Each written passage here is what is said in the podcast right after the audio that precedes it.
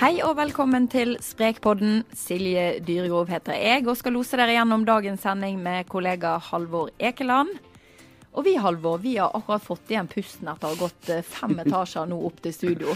Ja. Er dette dagligdags kost for deg, eller tar du heisen? Nei, det henger en plakat innpå innpå der jeg sitter, innpå kontoret mitt, hvor det står liksom Jeg anbefaler folk å ta trappa. Det er ikke helseskadelig å ta trappa, er liksom sitatet på, mitt på den eh, plakaten. Eh, så det var en periode jeg var flink, og så hender det ofte at jeg ikke er flink til å ta trappa. Ja. Vi tar jo ofte ikke trappa opp hit. ja. Jeg, jeg, jeg er egentlig der jeg går, må innrømme. Altså, selv om målet er å alltid å trapp, ta trappa. Men det er litt forlokkende ofte med denne heisen. Og, Heisen er fin. Ja. Og, og nettopp dette med at man eh, kanskje føler seg litt slapp eller lat, eller ikke orker å være så aktiv som man burde. At man kanskje velger sofaen fremfor treningsstudio, heisen fremfor trappen, er tema for dagens podkast. Riktig. Og med oss i studio så har vi Sigmund Loland, og du er professor ved Norges idrettshøgskole, der du også tidligere var eh, rektor. Du mener at eh, evolusjonen har gjort oss late. Kan du si litt om det? Ja, det, det er litt eh, spissformulert. Evolusjonen har jo gjort oss til mye forskjellig. Og mennesker er jo fantastisk tilpasningsdyktige, og vi har disposisjoner i oss for veldig mange ting. Men en av de er jo latskap. Det vil si å sette seg ned framfor å stå, og legge seg når man er sliten. Og ta det med ro hvis du kan. Og det har vel sammenheng med at i tidligere faser av menneskehetens historie så var det lurt å spare kalorier når man kunne. Nå lever vi i en tid der eh, det ikke er nødvendig lenger. Kalorier har vi mer enn nok av i vår del av verden. Eh, Men vi har fortsatt den iboende tendensen til å ta det med ro mens vi kan. Og den overstimuleres jo i den verden vi lever i, og i våre bymiljø med, som du snakker om, heiser og trapper og rulletrapper og rullefortau og biltransport og, og unger som kjøres til skolen når de bor en kilometer unna osv. Så vi lever i et pussig samfunn som virkelig understimulerer oss på noe som er veldig grunnleggende for oss. Og det er litt leit. Vi, vi snakka litt om det, jeg og Silje, før vi, før vi gikk inn her, og før du også kom, at uh, før så var eh, fysisk aktivitet det var et nødvendig onde, fordi du måtte jakte, og du måtte ut og finne maten din og sånne ting. Men nå er det ikke nødvendig lenger, og da står du igjen med at fysisk aktivitet for mange kanskje bare er et onde. Ja, Er det litt sånn eh, Jeg tror nok mange opplever det sånn. Det oppleves som en plikt. og og man får liksom dårlig samvittighet når man ikke trener, og du har alle disse kaloriregnskapene i avisen, ikke minst før og etter jul. Hvor mange kalorier Det har vi aldri skrevet om. Nei, Halvor. aldri. Nei, ikke sant. Eh, så, så det ligger en sånn latent i kulturen vår nå, så ligger det en sånn en forventning om at mennesker skal holde seg i form, og så har du en infrastruktur og kanskje en livsstil som gjør det vanskelig, og så blir det en sånn tung pliktsak, noe som egentlig er burde være gledesgivende, og noe som er morsomt, og noe som føles bra. Altså, Det å reise seg opp hvis du sitter og slapper av, tar jo kanskje litt viljestyrke, men men det å få blodsirkulasjonen i gang, det å ta i trapp istedenfor en heis i en lang arbeidsdag, eh, det gjør jo godt, faktisk. Det kjennes, du kjenner hjertet pumpe, du kjenner du lever. Og eh, all forskning viser jo at det klarner tankene, og det er bra for alle typer prestasjoner. Men, men med en pussig kultur så, så gjør det som et unaturlig valg. Ekstremvarianten er jo når du sitter på lange flyturer og du går av flyet på en flyplass. Og du har sittet i syv timer, ni timer, elleve timer. Og mennesker stiller seg opp og står på et rullefortau, og de står i ei rulletrapp. Du er så stinn av å sitte i alle de timene. Altså bare det å ta et skritt vil jo være velgjørende, men det gjør man ikke. Mindretallet gjør det. Så det er sånn Det er en kultur som stimulerer, understimulerer vårt behov for bevegelse. Men, men, men hva slags effekt er det man har da av å ta de andre valgene? Altså, Bortsett fra at du får litt eh, blodgjennomstrømning og kanskje kvikner litt til. Eh, hvor lenge varer det, og hva slags effekter er det egentlig? Ja, dette, jo, dette diskuterer jo forskerne i treningslære. Og noen sverger jo til disse fire minutters intervallene som de mest effektive for folk som har dårlig tid og skal komme i form og vil trene effektivt. Andre argumenterer for den jevne bevegelse og det å bryte opp ti minutter, fem minutter per time stillesitting. Gjør noe med hele organismen din. Det får blodet i gang. Du får oksygentransport rundt til kropp og til hjerne. Du får strekt ut ledd. Eh, så det kan i seg selv ha en helseeffekt. Så den trappa vi nettopp har gått, kan i seg selv ha en Hvis du gjør det jevnlig, så er det bra for deg. Det er bra for humøret ditt òg, mm. og det er bra for uh, tenkingen din. Men hva mener du da? Altså, du, du eh, skisserer nå på en måte litt sånn to leirer, da. Ja. Eh, hva mener du? Jeg tror eh, altså forskningsresultatene på effekt av fireminutters-øktene er jo tydelige. De har sterk effekt. Men det var veldig tøff trening. Eh, over lang tid, hva gjør det med kroppen? Er du mer skadeutsatt f.eks.? Eh, det gjør litt vondt. Eh, for noen passer den treningsformen, men det er mange andre måter å holde seg i form på. Mm. F.eks. å gå, ta trapper, gå i terreng, gå i motbakker, gå av trikken eller banen en stasjon eller to før du er hjemme og gå den siste biten. Klarne tanken, du får litt frisk luft. Mm. Um, mm. Det kan bety veldig mye for velvære og helse. Jeg er mer opptatt av velvære egentlig enn de trange helseeffektene, men de kommer med. Mm. Ja. Vi, vi, har også snakka litt uh, om det her i poden, uh, å gjøre fysisk aktivitet til et transportmiddel. Altså, ja. At bare, bare, det kan være, kanskje særlig for de som ikke er i så mye fysisk aktivitet, så bare gjøre det til et transportmiddel, så blir det Det er veldig mye helseeffekt i det, i hvert fall. Det er det. Mm. Jeg så en uh, dokumentar her forleden. Uh, selvfølgelig ikke veldig vitenskapelig, men der sammenlignet de hvor mange kalorier man forbrenner ved å enten være Det var to familier da uh, som gjorde det. Ved å enten være i hverdagsaktivitet over lang tid, eller å trene hardt i en time og ellers være ganske mye i ro. Og Der så man at familien da som var i hverdagsaktivitet over lang tid, de forbrant mer kalorier enn mm -hmm. familien som da trente over en kort periode, men hardt, og ja. ellers ikke gjorde så mye. Mm. Um, det også er jo litt sånn tankevekkende, da. Hvor ja. mye man faktisk kan mm. Eh, få igjen for å, å være aktiv. For det er jo forbrenning faktisk også. Ja. At, ja. for forbrenning, ja, nei, det overrasker meg ikke. Og mm. det er jo noen som har forsøkt å følge en treåring eller en fireåring eller en femåring over en dag. Mm. Og det er meget godt trente voksne mennesker. Kjetil Jansrud gjorde jo det i en Tine-reklame tror jeg, for Akkurat. ikke så lenge siden. Det er en tøff sak.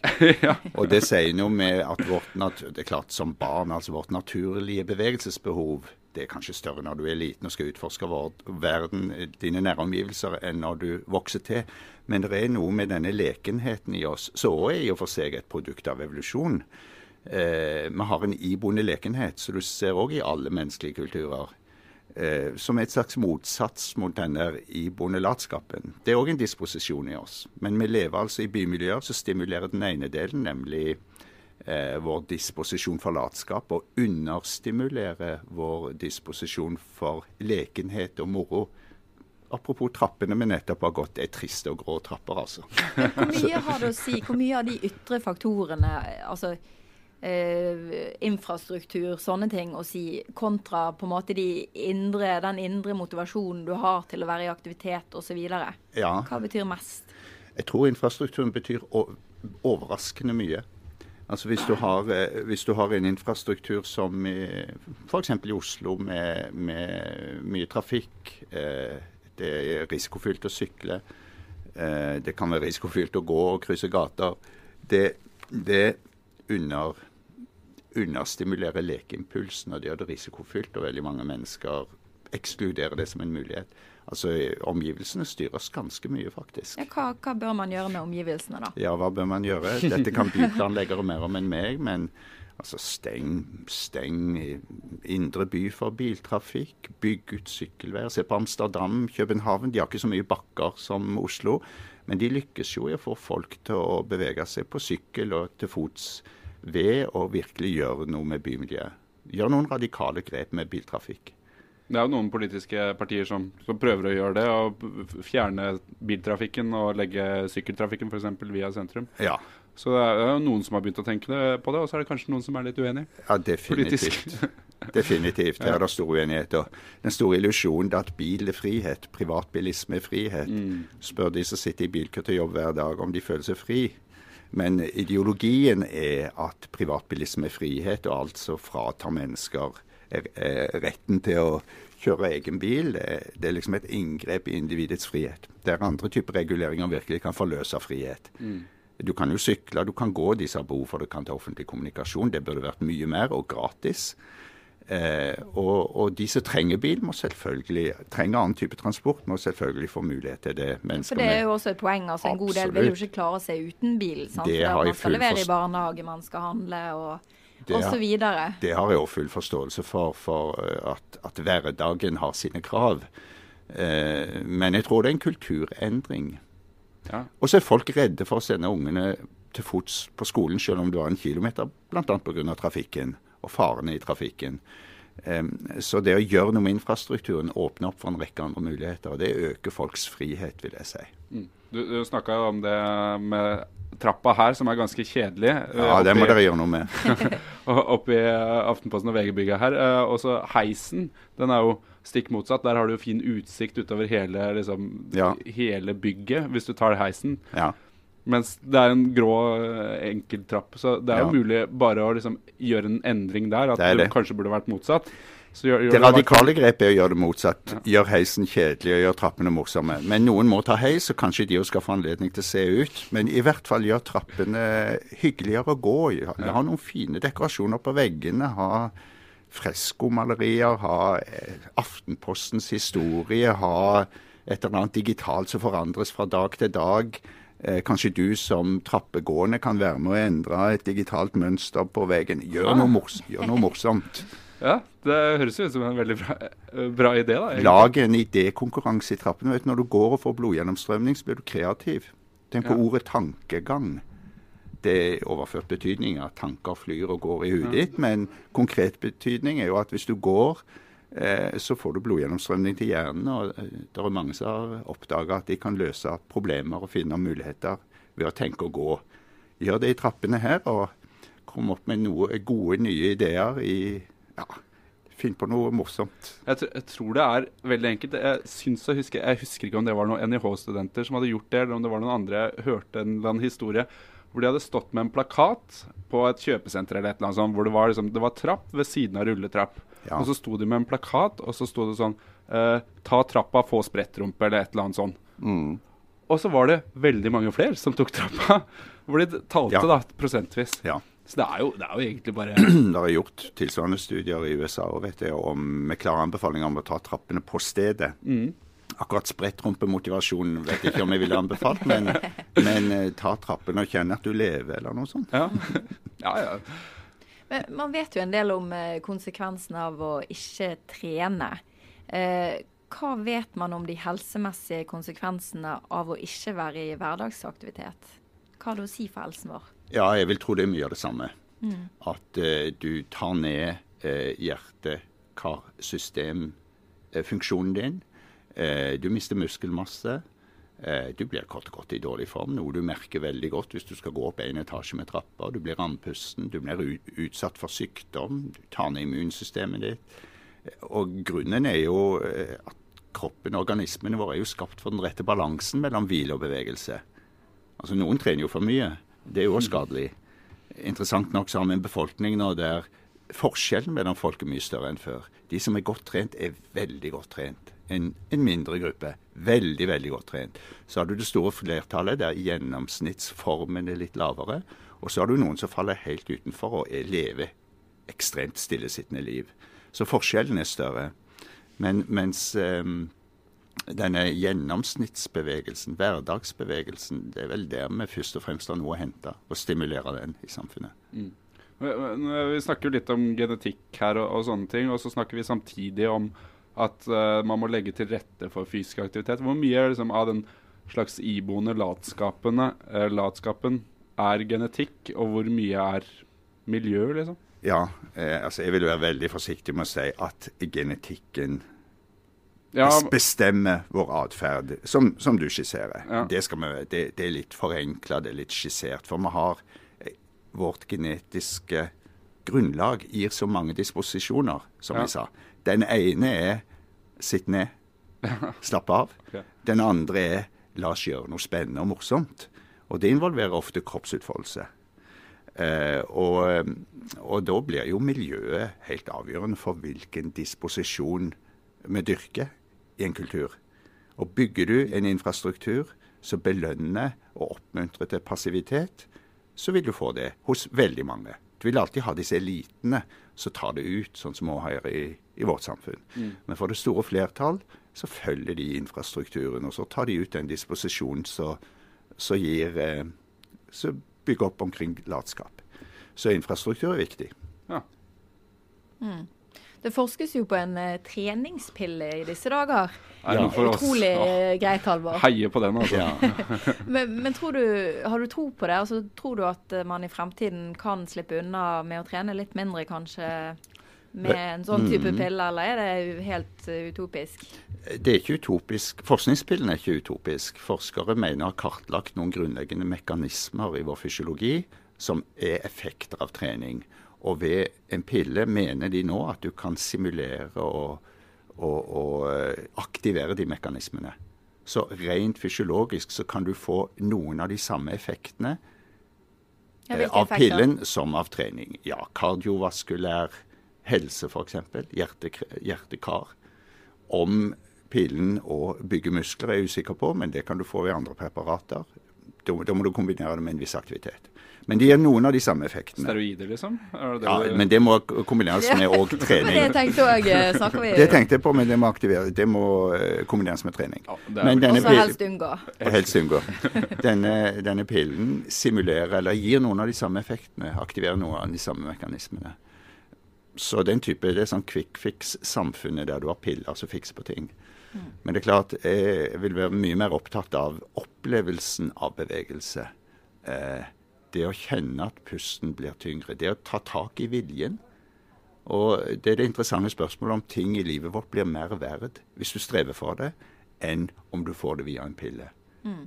Jeg tilhører de som tror at eh, Som mener at eierskap til prestasjoner, det er min prestasjon. Det var jeg som sto for dette. Det er autentisk. Det er knytta til min identitet. Mm. Den formen jeg har. Mm. Det er mitt ansvar.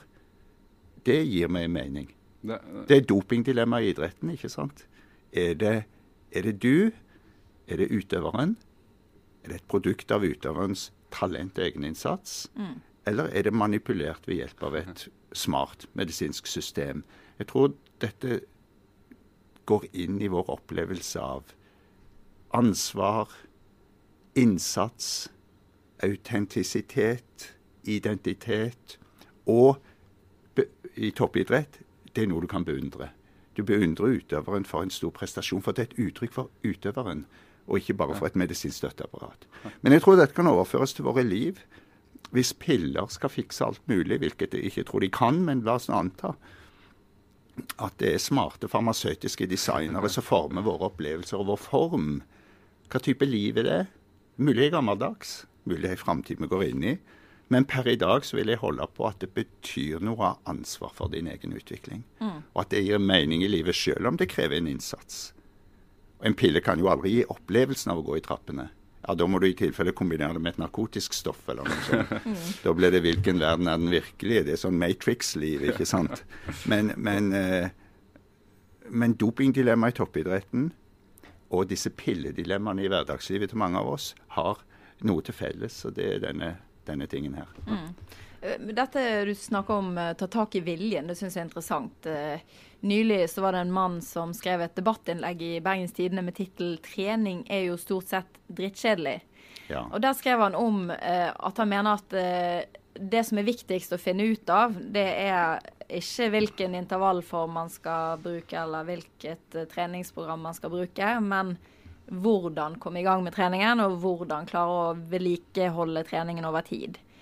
Eh, så skriver han han må overvinne sin egen latskap hver gang han skal på trening. Og for ham da er det snakk om treningsavtaler og gi seg selv små belønninger. Men eh, hva, hva, tenker du er på en måte beste måten å overvinne latskap? Hva kan man gjøre?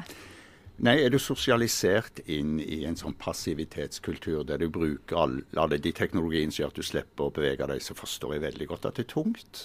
Og jeg tror de første treningsøktene er tunge. Det tror jeg på. Eh, og du må streve litt.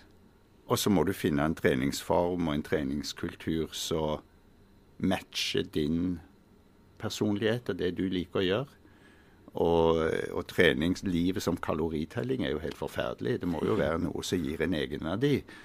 Men det tar litt tid. Så har jeg tro på at eh, siden organismen vår òg er designa for den rette balansen mellom trening og hvile, så tror jeg òg vår mann i Bergen gradvis vil oppleve glede. Gradvis. Og jeg tror at hvis du ikke gir deg, men gjør treningen til en vane, det kalles habituering på fint, eh, det blir noe du blir vant til og blir glad i, så vokser det fram en slags motivasjon. Eh, men det krever en innsats. så den kan vokse fram? Altså Den må ikke være der i bunnen, den indre motivasjonen for å trene? Jeg tror du oppdager den. Min hypotese er at den vokser fram ja. hos de aller fleste. Det blir en vane, og det føles godt. og Fysiologene viser jo til stoff som utskilles og stimulerer lystdelen av hjernen og alt dette her. Og det henger jo sammen med at vi er designa for noe bevegelse og noe hvile. Den rette balansen. Jeg tror jo at uh, Vi har også skrevet mange historier eller mange artikler om folk som klarer å gjøre en endring, og som nå trives veldig godt med å ha gjort den endringa. Så jeg tror jo det ligger ja. noe der. altså At veldig mange opplever det hvis de bare klarer å mm. komme inn i en rytme, klarer å gjøre det litt over tid, så vil de fleste vinne. Og ser effekten av å ja, gjøre det. Effekt. Og kjenne følelsen, kjenne, kjenne mer energi. Mm. Alle de tingene der. Jeg tror det er en ja, Jeg ser for meg at liksom over tid så så vil de fleste finne det. altså. Eh, la, oss, la, oss, la, oss, håpe på det, men, men livsstilsendring er vanskelig. Og det å ja. gjøre det til et individuelt ansvar er jo forenklende hvis du lever i et sosialt i en sosial sammenheng og i, mm. i en, en fysisk, et fysisk miljø som gjør det veldig vanskelig. Så det å, det å si at det er et individuelt ansvar og begynne å trene og holde seg i form, det er veldig forenklende. Vi har et kollektivt ansvar for hvordan vi former våre omgivelser, og hvordan vi kan stimulere folk fra, fra mennesker små til denne aktivitetsgleden som vi snakker om.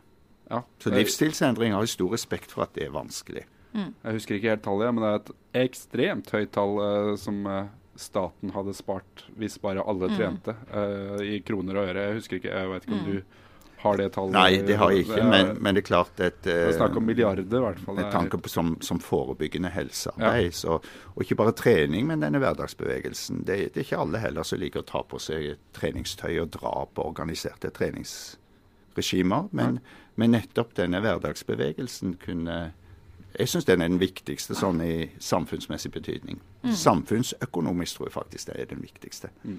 Ja, ja, det får være siste ord i dag. Tusen takk til deg, Sigmund Loland. Takk og, for invitasjonen. Ja, og takk til deg, Halvor Ekland. Takk til deg også, Silje. Det var spennende. Ja, jeg synes interessant. Er, jeg syns sånn er så spennende. og til dere som hører på, tips oss gjerne om saker eller ting vi bør skrive om eller ta opp i podkasten. Søk oss gjerne opp på Facebook eh, under Sprek, og skriv en melding til oss der. Takk for oss. Snakkes.